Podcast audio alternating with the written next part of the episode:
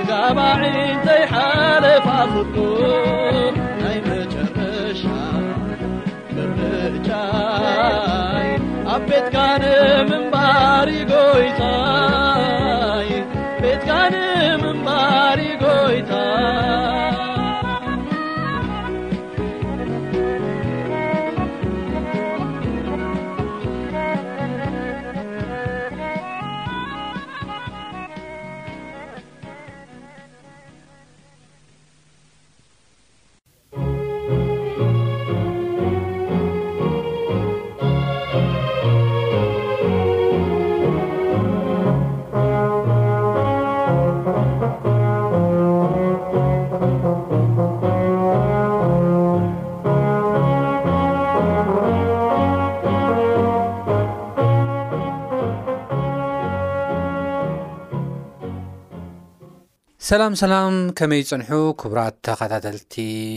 መደብና እዚ በዓለም ለኸ ኣድቨንስ ሬድዮ እናተዳለወ ዝቐርበልኩም መደብኩም መደብ ቃል ኣምላኽ እዩ ኣብ ናይ ሎሚ ቃል ግዜና ድማ ኣብ ቀዳማይ ሳሙኤል ምዕራፍ 8 ዘሎ ሓሳብ ኢና ክንርኢ ማለት እዩ ቅድሚ ምጅማርና ግን እግዚኣብሔር ምእንቲ ከምህረናን ክመርሓናን ሕፅር ዝበለ ጸሎት ክንጽሊ ኢና እግዚኣብሔር ኣምላኽ ስለዚ ግዜን ሰዓትን ነመስክነካ ኣለና ሕጂ ድማ ቃልካ ከፊትና ብ ነጽናዓሉ እዋን ንስኻ ምሳና ክትከውንን ክትመርሓናን ከም ፍቓድካ ድማ ክንነብር ክትረዳእና ብጎይታና መድሓና የሱስ ክርስቶስ ስም ንምነካ ኣለና ብጎይታናን መድሓንናን ኢየሱስ ክርስቶስ ስም ኣሜን ኣብዚ ሓሳብ እዚ ኸይድና ንርእየሉ እዋን እቲ ካብ ዝሓለፈ ምናልባት ኣብ ቀዳማይ ሳሙኤል ምዕራፍ ክልተ ክሳብ ሸውዓተ ዘሎ ሓሳብ ተተሓሒዙ ዝቐርብ ሓሳብ እዩ ኣብ ቀዳማይ ሳሙኤል ምዕራፍ ሸሞንተ ንሪኦ ኢንፋክት ቀዳማይ ሳሙኤል ምዕራፍ ሸሞንተ ጥራሕ ይኮና ንርኢ ካብ ቀዳማይ ሳሙኤል ምዕራፍ ሸሞንተ ቀፂሉ ዘሎ ምዕራፋት እውን ስዒብና ክንርኢና ብዝኾነ ግን ካብቲ ቅድሚኡ ዝነበረ ምዕራፋት ምትሕሓዙ ክርኢ ይደሊ ብመጀመርያ ግን ናይ መጀመርያ ከምባ ዝደለኹ ሓሳብ ኣብ ቀዳማ ሳሙኤል መራብ 8 ካብ ቁፅሪ ሓደ ክሳብ ትሽዓተ ዘሎ ሓሳብ ከንብብ ፈቱ ከምዚ ይብል ኮነ ድማ ሳሙኤል ምስ ኣረገ ንደቁ ኣብ እስራኤል ፈራዲ ገበሮም ስም እቲ በኹሪ ወዱ ዮኤል ስም እቲ ካልኣዩ ከዓ ኣብያ ነበረ ኣብ ብኤር ሸባዕ ፈራዲ ነበሩ እቶም ደቁ ግና ብመንገዱ ኣይከዱን ናብ ስስዐ ደኣ ኣበሉ መማለዲ ተቐቢሎም ድማ ፍርዲ የቐንኑ ነበሩ ሽዑ ብዘለዉ ዓበይቲ እስራኤል ተኣኪቦም ናብ ሳሙኤል ኣብራም ኣመጹ። ሽዑ ብዘለዉ ዓበይቲ እስራኤል ተኣኪቦም ናብ ሳሙኤል ኣብራም ኣመጹ። እንሆ ንስኻ ኣረግካ፣ ደቅኻ ኸኣ ኣብ መንገድኻ ኣይከዱን። እምበኣርሲ ሕጂ ከም ኵሎም ህዝብታት ዝፈርደልና ንጉስ ኣንግሰልና ድማ በልዎ። ዝፈርደልና ንጉስ ሃበና ምስ በሉ ግና እዚ ነገር እዚ ንሳሙኤል ኣጕሃዮ። ሳሙኤል ከኣ ናብ እግዚኣብሄር ጸለየ፣ እግዚኣብሄር ድማ ንሳሙኤል በሎ፣ ኣነ ኸይነግሶም ንኣይ እዮም ዝነዓቑ እምበር ንኣኻ ኣይኰኑን ዝነዓቑ እሞ፣ እዞም ህዝቢ ብዝብሉኻ ኵሉ ቓሎም ስማዕ፣ ከምቲ ኻብታ ኻብ ግብጺ ዘውጻእኹ መዓልቲ ጀሚሮም ክሳዕ እዛ መዓልቲ እዚኣ ዝገብርዎ ግብሪ፣ ንኣይ ሓዲጎም ንኻልኦት ኣማልኽቲ ኣምለኹ፣ ንኣኻ ድማ ከምኡ ይገብሩ ኣለዉ። ሕጂ ኸኣ ቃሎም ስማዕ፣ ግናኸ ኣጽኒዕኻ መዓዶም፣ ስርዓት እቲ ኣብ ልዕሊኦም ዝነግስ ንጉስ ከኣ ኣፍልጦም በሎ ይብለና። ኣብዚ ሓሳብ እዚ ንሪኦ ብዋናነት ብዋናነት ሰለስተ ሓሳባት ኣሎ ብዋናነት እንሪኦ ሰለስተ ሓሳባት ኣሎ እቲ ናይ ቀዳማይ ሓሳብ እንታይ እዩ ተይልና ናይ ደቂ ሳሙኤል ህይወት ኢና ንርኢ ናይ መጀመርያ እቲ ካልኣይ እንሪኦ ናይ ህዝቢ እስራኤል ድሌት ኢና ንርኢ እቲ ሳልሳይ ከዓ ከመርኣያ ኣብ ህይወትና ንሕዞ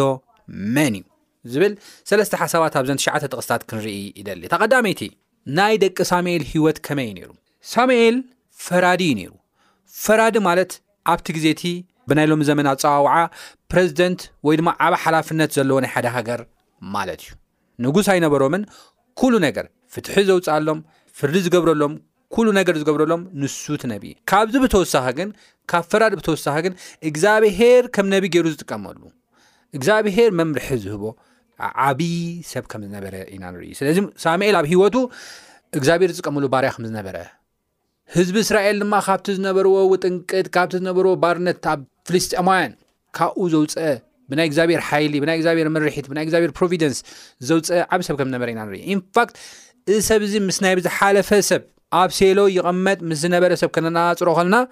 ሰማይን ምድርን እዩ ዘመሳስሎም እውን ኣለዎ ዘይመሳስሎም እውን ኣለዎ ተቀዳማይ ኤሊ ሊቀ ካህን እውን እዩ ፈራዲ እውን እዩ ነይሩ ዓብዪ ስልጣን ዝነበሩ ናይ ቤተ መቅደስ ናይ ሃይማኖታዊ ነገር እውን መራሒ እዩ ነይሩ ናይ ፍርዲ ናይ ፍትሕን ናይ ፖለቲካዊ ነገር እውን መራሒ እዩ ነይሩ ዓቢ ነገር ግን ኤሊ ኣብ ዝሓለፈ ናይ ቃል ግዜትና ኴንና ንርእየሉ እዋን ግቡኡ ዘይፍጽም ሰነፍ ሰብ ንደቁ ንቤተሰቡ ንኣዝማዱ ጥፍኣት ዝኾነ ሓሊፉ እውን ነታ ሴሎ ትበሃል ከተማ ቀጺሉ እውን ነታ እስራኤል ትበሃል ከተማ ኣብ ሽግር ናይ ምውዳቕ ምክንያት ከም ዝኾነ ኢና ንርኢ ንምንታይ እንተ ኢልና እቶም ክልተ ደቁ ዖፍኒን ፊንሃስን የመንዝሩ ከም ዝነበሩ ሓጢኣት ይገብሩ ከም ዝነበሩ ኢቨን ኣብቲ ቤተ መቅደስ ኬድና ኣብ ንሪእየሉ እዋን ይገብሩ ከም ዝነበሩ ኢና ንርኢ እዚ እናረኣየ ግን ከወግዶም ዘይከኣለ ክግስፆም ዘይከኣለ ውሳኔ ክወስድ ዘይከኣለ ሰብ እዩ ነይሩ ኤሊ ማለት በዚ ነገር እዚ ከዓ እግዚኣብሄር ዝጓሃየሉ ሰብ እዩ ነይሩ ብዝተፈላለየ መንገዲ ኢንክሉዲንግ ብሳሙኤል መልእኽታት ሂዎ እዩ ንኤሊ ክምለስ ካብ መንገዱ ንደቁ ከስተኻኽል ሓላፍነቱ ብግቡእ ክዋፃእ ዝተፈላለየ ነገር መኺርዎ እዩ ነገር ግን ነቲ ናይ እግዚኣብሄር መልእኽቲ ልቢ ኣይበሎን እዝኒ ኣይሃቦን ኣየስተውዓሎን ካብ ዝተላዕለ ንጥፍኣት ከም ዝኾነ ኢና ንርኢ ኣብ ማውትኡን ሕማቕ ከም ዝነበረ ብጓሂ ናብ ድሕሪት ወዲኦ ከም ዝሞተ ኢና ንርኢ መፅሓፍ ቅዱስ ከድና ንርኢ ኣለዋ ተመሳሳሊ ነቶም ሕጂ ናይ ሳሙኤል ሂወት ግን ኢቨን ኣብ ትሕቲ ኤሊ እናዓበየ ከሎ ኣብቲ ቤተ መቕደስ ኣብ ትሕቲ ሳሙኤል እናዓበየ ከሎ ብቅድስና እዩ ወላ ደቁ ብሓጢኣት ይጫማለቑ ንሱ ግን ብቅድስና እዩ ወላ ኤሊ ብስንፍና ስርሑ እግዚኣብሄር እንተጓሃየ ነገር ግን ንሱ ብጥንቃቐን ብቅድስናን ንእግዚኣብሄር ምፍራሕን ዝመላለስ ሰብ እዩ ነይሩ ኢንፋክት ንኤሊ መልእኽቲ ዝመፃሉ ዝነበረ ሳሙኤል እዩ ይገርም እዩ እቲ ዋና እግዚኣብሄር ከዘራርቦ ኣፖይንት ዝኾነ ዝተመርፀ ሰብ ኤሊ ክነሱ ነገር ግን ልቡ ብሓጢኣት ተደፊኑ ንመንፈስ ቅዱስ ቦታ ስለ ዘይሃበ መልእኽቲ ብሳሙኤል ዘይገይሩ ንኤሊ ይኮነ ንህዝቢ ኣምላኽ ይመፀሎም ከም ነበረ እዩ መፅሓፍ ቅዱስ ዝዛረበና ማለት እዩ ስለዚ ናይ ቅድስና ሰብ ከም ዝነበረ እግዚኣብሔር ዝፈርሕ ሰብ ከም ዝነበረ ብክርስቶስ የሱስ ዝኣምን ከም ዝነበረ ንሱ ጥራሕ ከም ናይ ግሉ መድሓኒ ገይሩ ዝቕበል ሰብ ከም ዝነበረ ብዛዕባ የሱስ ክርስቶስ ወንጌል ድማ ብደንቢ ዝሰብኽ ሰብ ከም ዝነበረ እዩ ይዛረበና ብዛዕባ ሕግታቱ ቅዱስ ምዃኖም ዝገልጽ ሰብ ከም ዝነበረ ሓያል ነበ ከም ዝነበረ ኢና ንርኢ ይብለና እዩ መጽሓፍ ቅዱስ ካብ ራማ ክሳብ ቤርሳቤህ ካብ ጫፍና ክሳብ ጫፍ ናይ እስራኤል ድማ ወርኡ ከም ዝወፀት ኩሉ ሰብ ድማ ናይ ሳሙኤል ቃል ይሰምዐ ከም ዝነበረ ኢና ንርኢ ኤሊ ብሂወት እናሃለዎ ማለት እዩ ስለዚ ብቅድስና ዝመላለስ ሰብ ግን ደቁ ዮኤልን ኣብያን ከምኡ ኣይነበሩን። እግዚኣብሄር ዝስዕቡ ሰባት ኣይነበሩን። ከም ፍቓዱ ዝኸዱ ሰባት ኣይነበሩን። ኣርኣያ ጽቡቕ ኣርኣያ ኣቦኦም እናሃለወ ሓሊፉ ከዓ ኣብ ጽቡቕ ቦታ ዝተመርጹ ዝተቐብኡ ህዝቢ ኣምላኽ ክመርሑ ክፈርዱ ፍትሒ ከውፁ ዝተመርጡ ክነሶም ነገር ግን ፍርዲ ብጉቦ ዘቕኑ ሰባት፣ መማለዲ እናተቐበሉ ዘቕኑ ሰባት ከም ዝነበሩ እዩ ዝዛረበና። ብኻልእ ኣባህላ እግዚኣብሄር ዘጉህዩ ሰባት ከም ዝነበሩ ኢና ንርኢ። ሕጂ ክልተ መንገዲ ንርኣይ። እታ ቀዳመይቲ እዞም ደቂ ሳሙኤል ናይ ሳሙኤል ኣርኣያ ክኽተሉ ኣይከኣሉን። እቶም ህዝቢ ኣምላኽ እውን ናይ እግዚኣብሄር ኣርኣያ እግዚኣብሄር ዘቐመጠሎም ምስሊ ቃል ኣምላኽ ክኾንዎ ዝግብኦም ክስዕብዎ ዝግብኦም መንገዲ ክስዕቡ ኣይከኣሉን። ስለዚ ንዮኤልን ንኣብያንን ወይ ድማ ነቶም ደቂ ሳሙኤልን ነቲ ህዝቢ እስራኤልን ዘተሓሕዞ ነገር እዚ እዩ። ንእግዚኣብሄር ኣብ ክንዲ ምምሳል፣ ቃሉ ኣብ ክንዲ ምሕላው፣ ከም ፍቓዱ ኣብ ክንዲ ምኻድ፣ ሳሙኤል ከም ኣርኣያ ተቐሚጥሎም ከሎ ኣትሊስት ንሳሙኤል ኣብ ክንዲ ምምሳል ናይ ዓለም ምስሊ ናይ ዓለም ተጽዕኖ ኣብኦም ከም ዝሓደረ ብናይ ዓለም ተጽዕኖ ድማ ወዲቖም ካብ መንገዲ ኣምላኽ ርሒቖም ብፍቓዶም ይኸዶ ከም ዝነበረ ይነገረና ደቂ ሳሙኤል መማለዲ እናተቐበሉ ሃፍታም ክኾኑ ክዓብዩ ፍርዲ የቕንኑ ከም ዝነበሩ ደቂ እስራኤል ከዓ እግዚኣብሄር ዘይሕጉሶ እግዚኣብሄር ዘይፈትዎ ነገር ካብ ናይ ዓለም ኣሰራርሓ እዚ ንጉሳዊ ዝኾነ ኣመራርሓ፣ ሞናርኪ፣ ዝበሃል ንጉሳዊ ዝኾነ ኣሰራርሓ ይኹነልና ኢሎም ከም እተመነዩ ኢና ንርኢ። ኣብ ክልቲኦም እንደገና ሓንቲ ቃል ኢና ንርኢ። እታ ሓንቲ ቃል እንታይ እያ እንተ ኢልና ዲስኮንተንትመንት ዝብል ቃል ናይ እንግሊሽ ኣሎ። ዲስኮንተንትመንት ማለት እንታይ እዩ? ብዘለዎም ዘይምዕጋብ፣ ብዘለዎም እፎይ ኢሎም ተመስገን ኢሎም ዘይምንባር። ይኣኽለኒ ዘይምባል። እዚ ንዓይ እኹል እዩ፣ ብቑዕ'ዩ፣ ካብ ብቑዕ ንላዕሊ ኢሎም ዘይምሕሳብ፣ ዘይምርዳእ፣ ብቑዕ ኢሎም ዘይምሕሳብ፣ ዘይምርዳእ። እዚ እቲ ሓደ ዘመሳስሎም ነገር እዩ ነዞም ክልተ ሰባት። ደቂ ሳሙኤል በቲ ዝተሸሙሉ ቦታ ዝረኽቡ ዝነበሩ ኣታዊ ንቐለቦም ዝኸውን ንምግቦም ዝኸውን ነገር ይኣኽለኒ ካብ ዘይምባል ተወሳኺ ገንዘብ፣ ተወሳኺ ሃብቲ፣ ተወሳኺ ክብሪ፣ ተወሳኺ ኣታዊ ንምርካብ ፍርዲ የቕንኑ ከም ዝነበሩ ጉቦ እናተቐበሉ መማለዲ እናተቐበሉ እዩ መፅሓፍ ቅዱስ ዛረበና ሰይም ቱዛት ህዝቢ እስራኤል እውን እቲ ናይ እግዚኣብሔር ምሕደራ እስራኤል ክሳዕ እዚ ዘመን እዚ ክሳዕ ናይ ሳሙኤል ዘመን ንጉስ ኣይነበሮምን መራሒኦም እግዚኣብሄር እዩ ነይሩ ቲኦክራሲ ዝበሃል ኣመራርሓ እዩ ነይርዎም እግዚኣብሄር እዩ ዝመርሖም ነይሩ ብነቢያት ገይሩ ይመርሖም ብካህናት ገይሩ ይመርሖም ሊቀ ካህናት ገይሩ ይመርሖም ብናቱ ሰብ ዝመረፆ ገይሩ ይመርሖም እግዚኣብሄር ነይሩ ስለዚ ንጉስ ኣይነበሮም ብናይ እግዚኣብሄር መምርሒ ብናይ እግዚኣብሄር ድምፂ እናተኸተሉ እዮም ዝኸዱ ነይሮም እዚ ነገር እዚ ከዓ ኤግዛማይን ካብ ዘይምግበሮም ክሳብ ክንደይ ዓወት ከም ዝሃቦም ካብ ዘይምግንዛቦም ዝተላዕለ ብናይ ዓለም ተፅዕኖ ወዲቖም ንጉስ ኣንግሰልና ከም ዝበልዎ ኢና ንርኢ ማለት እዩ ስለዚ ደተሓዞም ነገር እታ ዋና ቁልፍ ነገር እንታይ እያ ዲስኮንተንትመንት ብዘለካ ዘይምዕጋብ ብዝረኸብካዮ ጸጋ ዘይምምስጋን ኣብ ሓደጋ ከም ዘውድቕ ንኣምላኽ ኣብ ምጉሃይ ከም ዘውድቕ ናብ ሓጢኣት ከም ዝእቱ ዘርኢ ዋና መረጋገፂ እዩ እዚ ሓሳብ እዚ ህዝቢ እስራኤል ንጉስ ኣንግሰልና ንምባል ዘቕረቡ ሓደ ምኽንያት እንታይ እዮም ኢሎም ኣብ ቁፅሪ ኣርባዕተ ኸይና ንርኢ ኣለዋን ሽዑ ብዘለዉ ዓበይቲ እስራኤል ተኣኪቦም ናብ ሳሙኤል ኣብ ራማ መፁ እኖ ንስኻ ኣረካ ደቅኻ ከዓ ኣብ መንገድኻ ኣይከዱን እምበኣርሲ ሕጂ ከም ኩሎም ህዝብታት ዝፈርደልና ንጉስ ኣንግሰልና ድማ በልዎ ይብለና ዝፈርደልና ንጉስ ሃበና ምስ በሉ ግና እዚ ነገር እዚ ንሳሙኤል ኣጓህዮ ይብል። ስለዚ እታ ምኽኒት ዘቕረብዋ ነታ ድሌቶምን ነታ ሓሳቦትን እታ ምኽኒት ዘቕረብዋ ነገር ተሃለወት እንታይ እያ እንተ ኢልና ደቅኻ ብመንገድኻ ኣይከዱን እሞ ንጉስ ኣንክሰልና ሳሙኤል ኢሚድትሊ እዩ ደቁ ኣወጊድዎም ካብቲ ኦፊስ ካብቲ ስራሕ ክወፁ እዩ ገይርዎም ከም ኤሊ ሸለል መለል ኣይበለን መንገዲ እግዚኣብሄር ክኸዱ ፅቡቅ መንገዲ ኣመዓራሪሎም ነይሮም ብናይ እግዚኣብሄር ምርሒት ብፍቃድ ኣምላኽ ብናይ እግዚኣብሔር ሓሳብ ኣውጊደሎም ነይሩ እዩ ነቶም ደቁ ኣውፅዎም ነይሩ እዩ ካብቲ ኣሰራርሓ ነገር ግን ናይዞም ህዝቢ ልቢ በቲ ናይ ዓለማዊ ኣተሓሳስባ ተታሒዙ ስለ ዝነበረ ንሕናስ ከም ዓለማውያን ዘይንኸለሉ ንሕናስ ከምኦም ንጉስ ዘይህልወና ንምንታይ ኢሎም ክሓቱ ከም ጀመሩ ኢና ንርኢ ካብኦም ንእስ እኮ ኣይኮንና ንሕና እውን ንጉስ ክህልወና ኣለዎ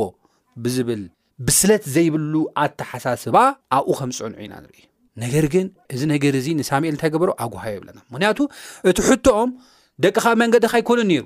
እቲ ድሌቶም ንጉስ ክነግሰሎም እዩ ነይሩ ሰብኣዊ ንጉስ ከም ናይ ዓለም ብንጉስ ሰብ ንጉስ ዝምራሕ ኣመራርሓ እዮም ደልዮም ነይሮም ብዘለካ ዘይምዕጋብ ናይ እግዚኣብሔር ኣመራርሓ ክሳብ ክንደይ ዓወት ከም ዝሃቦም ዘይምርዳእ ዘምጽኦ ሽግር እዩ ስለዚ እታ ምስጢር እንታይ እያ ነራ እንተ ኢሉ እግዚኣብሄር ድማ ንሳሙኤል በሎ ኣነ ከይነግሶም ንዓዮም ዝነዓቑ እምበር ንኣኻ ኣይኮኑን ኢሉ የው ደቀይ እኮ ኣወጊደልኩም እወ ደቀይ እኮ በቃ ኣውሪደ እዮም እኮ ደቀይ ተኮይኑ ትእሹ እሺ ደቀይ ኣውሪደ እዮም ካልእ ክኸውን እዩ እዚ በደል እዚ ኣይትበድሉ ተበሎም ክሰምዑ ይከኣሉን ኖ ንጉስ ደኣ እንግሰልና ንጉስ ደኣ እንግሰልና ንጉስ ደኣ እንግሰልና እናበሉ ከም ዝኸዱ ኢና ንርኢ ማለት መፅሓፍ ቅዱስ ኬና ንርኢ ኣለዋን ስለዚ እግዚኣብሄር እዚ ሓሳብ እዚ ክዛረባ ከሎ እታ ቃሉ ንኣ እዮም ዝነዓቑ እምበር ንዓኻ ኣይኮነን። ናትካ ኣመራርሓ ጽቡቕ ኣይኮነን እዮም ኢሎምኒ ንዓይ እምበር ንዓኻ ኣይኮነን ንዒቖም ኢሉ እግዚኣብሄር ክዛረብ ከሎ ኢና ንርኢ። ባይ ዲፎልት እግዚኣብሄር ዝሃቦም ነገር ቫልዩ ኣይሃብዎን ዋጋ ኣይበልዎን። በዚ ነገር እዚ ድማ እግዚኣብሄር ከም ዝነዓቑ ኢና ንርኢ ማለት እዩ። እዚ ምስ በሉ እግዚኣብሄር ንፍቓዶም ኣሕሊፉ ከም ዝሃቦም ንፍቓዶም ከም ተዛረቦም ንፍቓዶም ኣሕሊፉ ከም ዝሃቦም ኢና መጽሓፍ ቅዱስ ዝዛረበና እግዚኣብሄር ይመኽረና ድሓር ግን ንፍቓድና ነቲ ናትና ኣተሓሳስባ ነቲ ናትና ድሌት ኣሕሊፉ ከም ዝበና ኢና ንርኢ ኣብ መጽሓፍ ቅዱስ ከዓ ብተደጋጋሚ ከም ዝረኣናዮ ናይ ሰብ ኣመራርሓ ናይ ሰብ ኣእምሮ ሰኪዩርድ ከም ዘይኮነ፣ ናብ ሓደጋ ዘውድቕ ከም ዝኾነ፣ ናብ ጥፍኣት ዘምጽእ ከም ዝኾነ፣ ኣርሒቑ ዘይርኢ ከም ዝኾነ ኢና ርኢና ማለት እዩ። ብርግጽ እዩ እስራኤል ድሕሪ እዚ ግዜ ንጉስ ካብ ዝመጸሎም ጀሚሮም ከመይ ዓይነት ህይወት ከም ዝመርሑ ያውም ካብቲ ናይ መጀመርያ ንጉስ ንባዕሉ ከመይ ዓይነት ሽግር ከም ዝሓለፉ ቀጺልና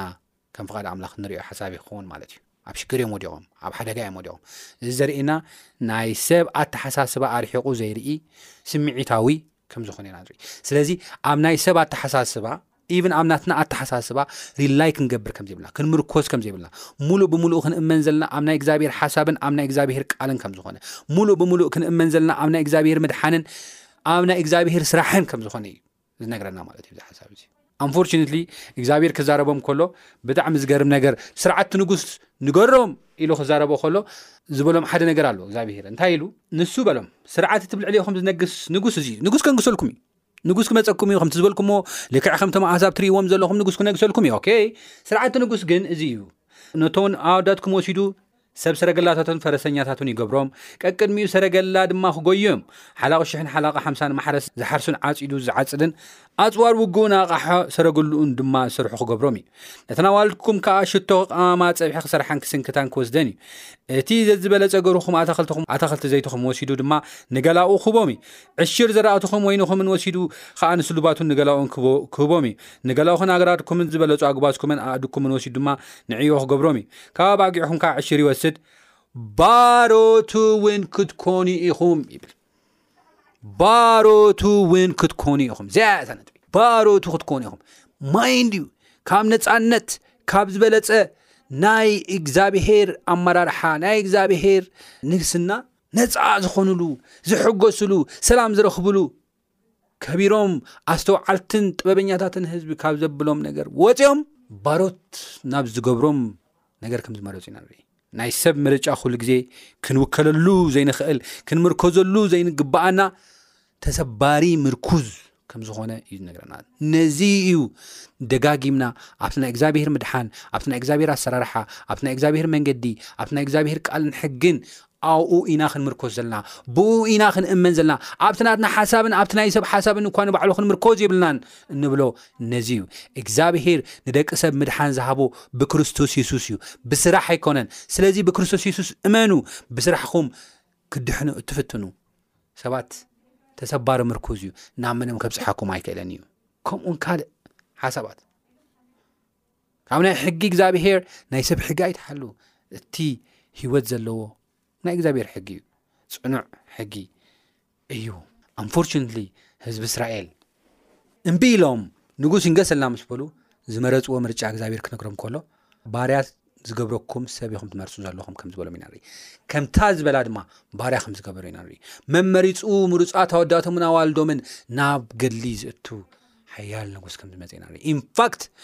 እዚ ናይ መጀመርያ ንጉስ ዕድለኛታት ኣይኮን ጽቡቕ ንጉስ ኣይኮነን ዶ ድሕሪ እውን ስዒቦም ዝመፁ ሰባት ከምኡ እዮም ገይሮም